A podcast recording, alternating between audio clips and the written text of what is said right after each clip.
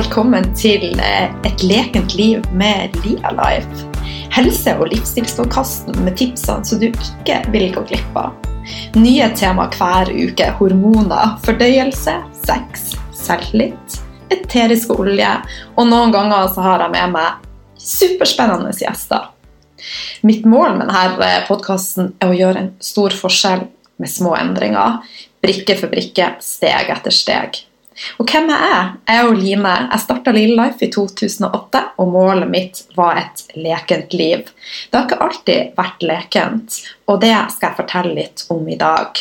Jeg er utdannet ernæringsterapeut, jeg er yogalærer, jeg jobber som veileder i eterisk olje. Jeg er mamma til to tenåringer, og jeg er kone, og har ei brennende interesse for en naturlig helse. Jeg har vært syk i mange, mange år. I dag 42 år, snart 43, og mer frisk, vital og energetisk enn noen gang. Så i dag så gleder jeg meg til å dele litt med deg om akkurat denne reisa mi. Eh, for at livet mitt har ikke alltid vært lekent. Eh, det er en ting som er helt, helt eh, sikkert. Eh, og Lila Life det ble til i 2008. Eh, og da hadde jeg akkurat vært i USA eh, og tatt min første yogautdannelse. Jeg var en hel måned i noe som heter Yogavill, og det var en enorm opplevelse. Bare det i seg sjøl. Jeg bodde midt ute i bushen sammen med masse andre yogiser. Og ja, hadde det veldig, veldig fint.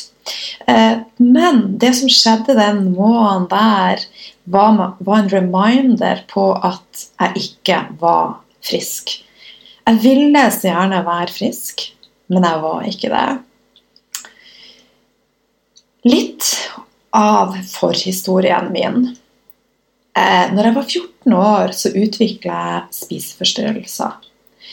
Og det er litt vanskelig å forklare hva som var med å utløste akkurat dette. Det jeg vet, var at jeg var som mange andre jenter veldig opptatt av å være pliktoppfyllende, si ja, eh, og eh, veldig opptatt av hva alle andre tenkte om meg. Og så var det da en gutt som slengte en sleivete kommentar til meg i en veldig sårbar alder, eh, der han faktisk sa Hei, Line, du har jo større mage enn du har pupper. Og inntil det øyeblikket der så hadde jeg aldri tenkt over min egen vekt. Men der snudde det. Så dette satte i gang en tankeprosess i hodet mitt som jeg tenkte at hm, dette må jeg gjøre noe med. Jeg er jo tjukk, ikke har jeg pupper. Så eh, jeg utvikla sakte, men sikkert anoreksi. Jeg ble veldig opphengt i å telle kalorier. Jeg ble veldig opptatt av eh, kroppen min, og jeg kom helt ut av balanse. Som så mange andre gjør når man ønsker å gå ned i vekt, så kutter jeg på fettet. Så jeg skraper bort alt av fett i kostholdet mitt. Og det som skjedde da, var at jeg kom mer og mer ut av balanse. Og hva som skjer da i kroppen vår fysiologisk og psykisk, kommer jeg til å fortelle litt mer om i neste episode, der jeg kommer til å gå inn på hormoner. Så det som skjedde da, var at jeg eh, utvikla eh, anoreksi, som utvikla seg til overspising og etter hvert bulimi. Så det her var med og styrte livet mitt i 100% grad i over 20 år. Og det er ganske lang tid, så det er faktisk halve livet mitt. Så hva var med og snudde dette, da? I 2001 så ble jeg gravid. Og da tenkte at nå skjer det noe som er større enn meg sjøl. Nå er jeg nødt til å bite tennene sammen. Nå er jeg nødt til å finne motivasjon til å ivareta det som vokser i meg. Så jeg tenkte hvordan kan jeg klare å snu dette? Og min første tanke var å lære meg mer om min egen kropp og lære meg om mekanismene som faktisk foregår i kroppen når jeg daglig kaster opp. Hva skjer med næringsstoffer? Hva skjer med elektrolyttene? Hva skjer med eh, stressystemet, med immunforsvaret? Så derfor begynte jeg å studere til å bli ernæringsfysiolog. Men det var ikke så lett. Eh, jeg var jo veldig syk, så det å konsentrere seg var vanskelig. Jeg hadde lite energi. Um, men jeg gjorde mitt beste. Og det er alltid bra nok. Det må du huske. Ditt beste, det er bra nok. Så jeg ble litt bedre, um, men overhodet ikke bra. Så jeg klarte å regulere det på en måte der jeg gikk fra å kaste opp hver eneste dag, til at jeg inngikk avtaler med meg sjøl om at ja, på mandag, onsdag og fredag denne uka Det høres kanskje helt crazy ut, men det er tre dager i uka jeg fikk lov å kaste opp.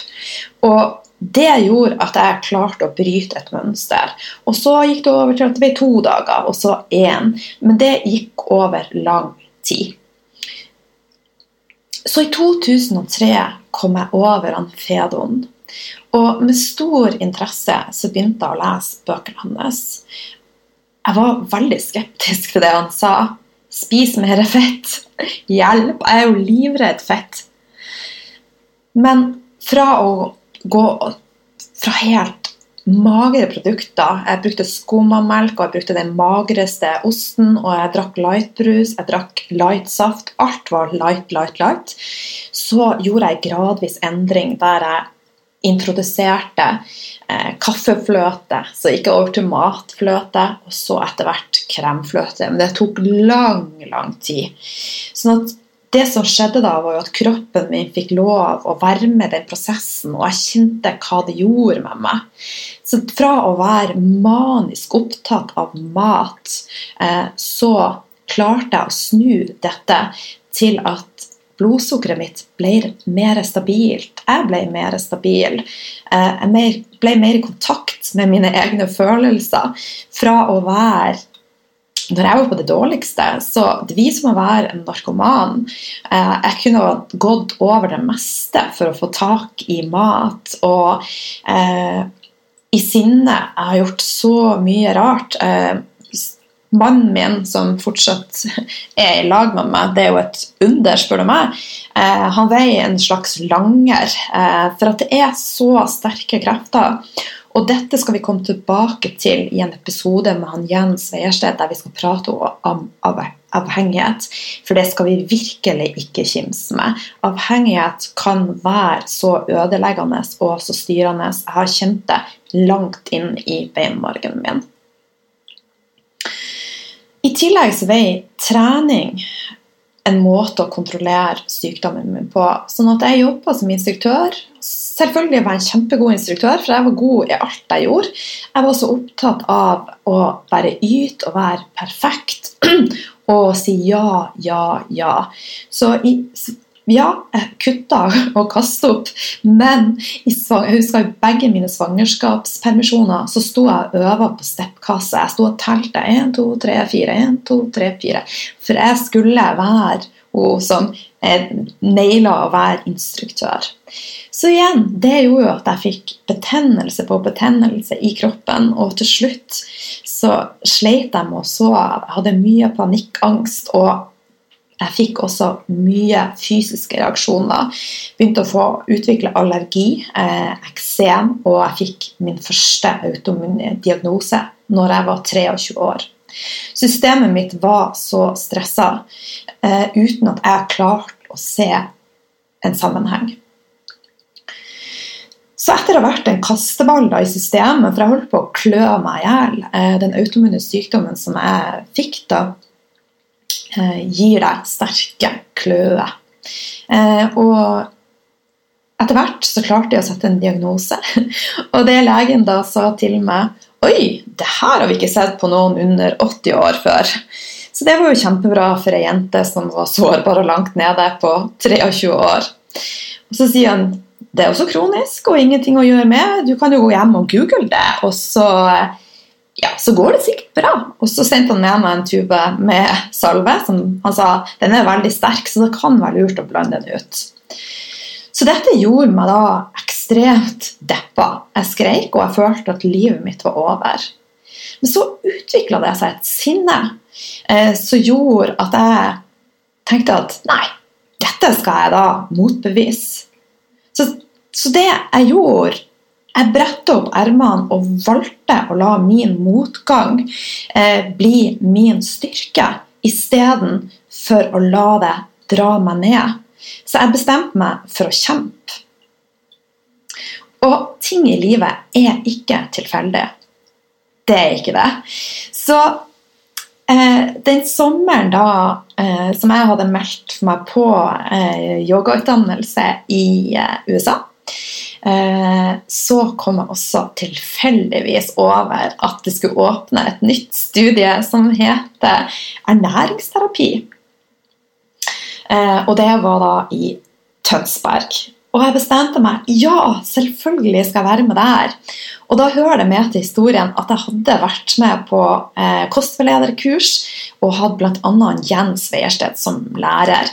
Og jeg visste at dette var retninga jeg ville gå. Så fra 2003, når jeg kom over han Fedon, så hadde jeg gradvis da introdusert mer fett og gjort endringer i kostholdet mitt, sånn at jeg kom litt mer i balanse. Så da reiste jeg først til USA sommeren 2008 og var i Yogavill. Og før jeg reiste dit, så tenkte jeg at ja, nå er jo Line frisk. Og som jeg starta episoden med i dag, eh, da fikk jeg et enormt tilbakefall. Eh, som jeg har sagt tidligere også, så tar jeg ting veldig seriøst når jeg først gjør noe.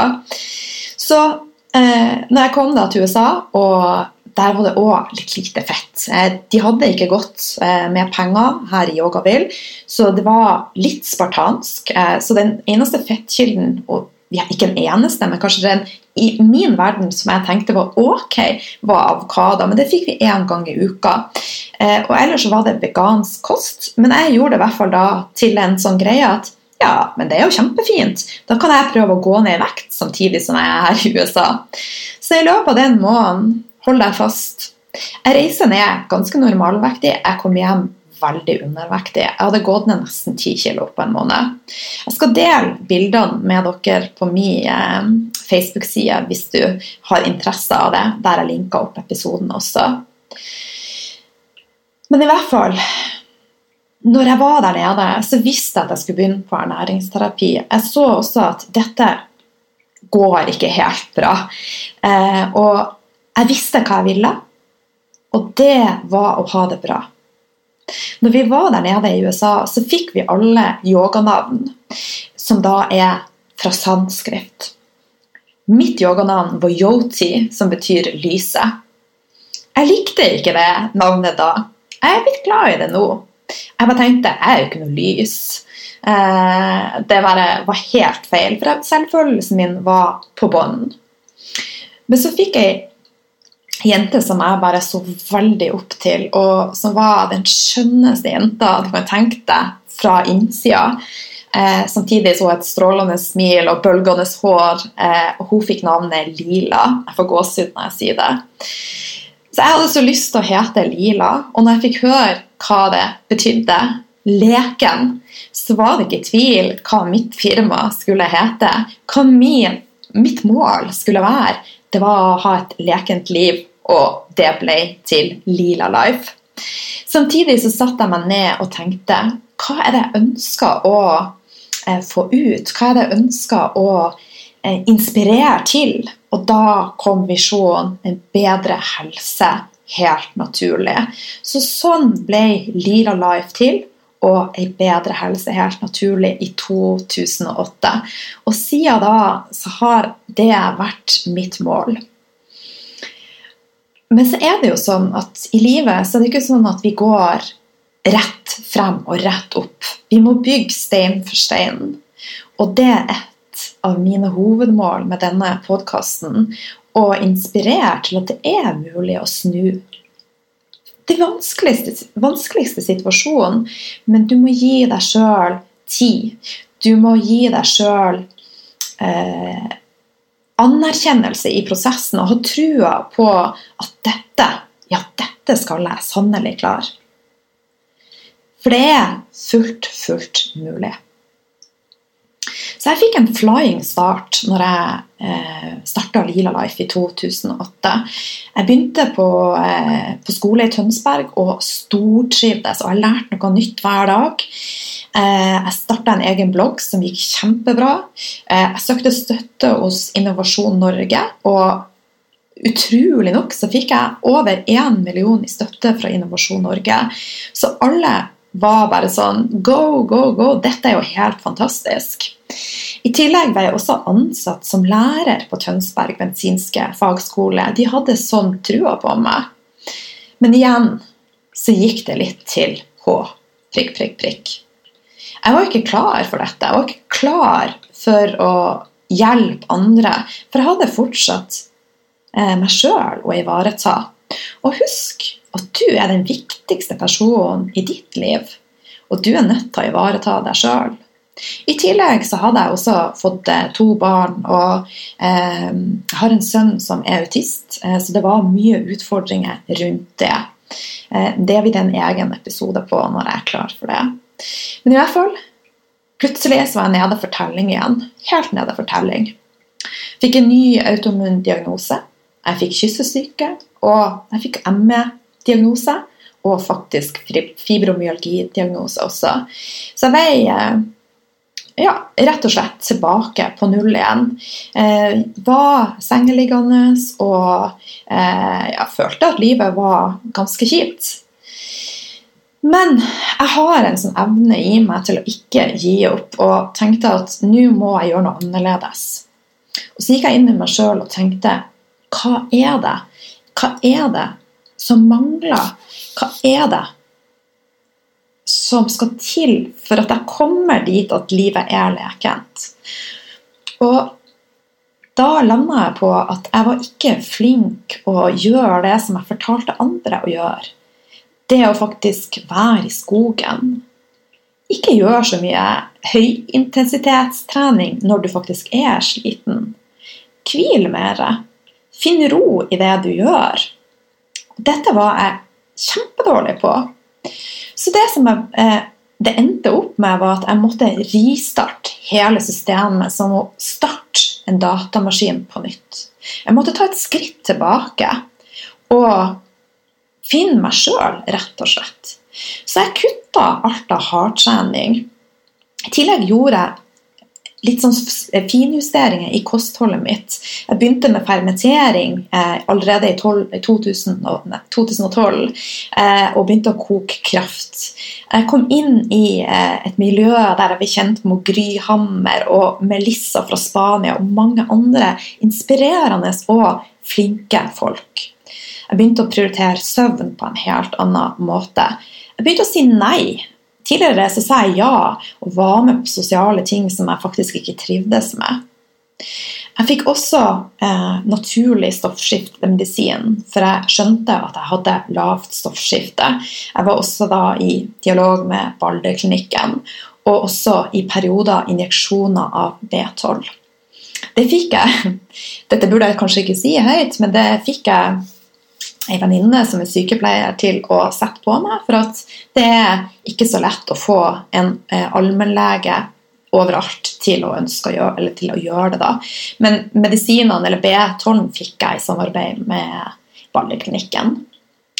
I tillegg så tok vi noen eh, gode valg. Eh, vi bodde på en plass der vi ikke trivdes, eh, og det gjør noe med følelsene. Vi skal ikke undervurdere de emosjonelle følelsene, hvordan det kan påvirke eh, kropp og helse generelt.